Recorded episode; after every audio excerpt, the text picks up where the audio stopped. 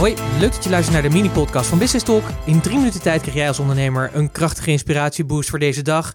En de boost die ik je vandaag wil meegeven is: zet een intentie. Intenties. Het zijn kleine maar krachtige wapens die we eigenlijk veel te weinig gebruiken, denk ik met name ook bij ondernemers. Ik kom er niet zo heel veel tegen.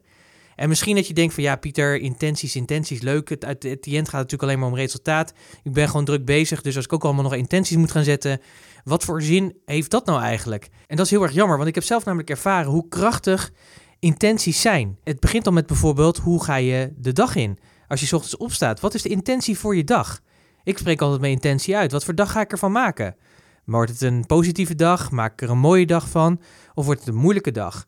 Kijk, die keuze die heb je natuurlijk al zelf. En het mooie van de intentie is, is dat een intentie enorme focus geeft. Daar ben je nooit zo bewust van. Maar als je je intentie hebt om er een mooie dag van te maken, dan is je focus ook om er een mooie dag van te maken. Want dat is hoe je jezelf ja, reframed of framed, zeg maar. En dat is heel erg fijn. Dus kun je nagaan als je dat ook gewoon in je bedrijf doet. Als je dus nadenkt over je dag, als je nadenkt over je dagindeling.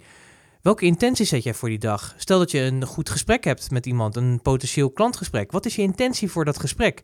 Is het de intentie om die ander te helpen? Is het de intentie om een sale te doen? Wat is jouw intentie? Ja, mijn ervaring is op dit moment, en daarom deel ik dit ook graag met je, is dat ik durf je wel bijna te zeggen van de 10 intenties die ik zette, dat er een stuk of 8, 9 gewoon uitkomen. En dat is natuurlijk best wel een grote slagingspercentage.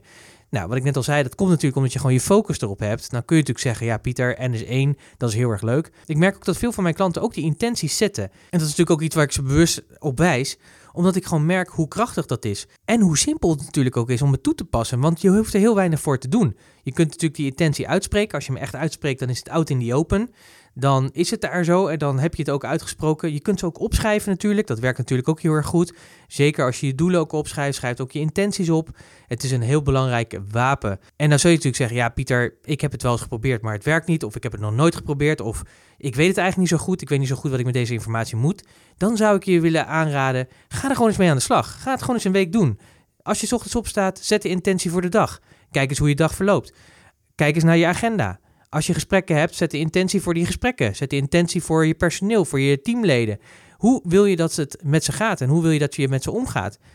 En ik zou dan zeggen, kijk eens wat het resultaat ervan is. Als je na een week dat hebt gedaan en je merkt van het levert me helemaal niks op, helemaal prima, stop je er lekker mee.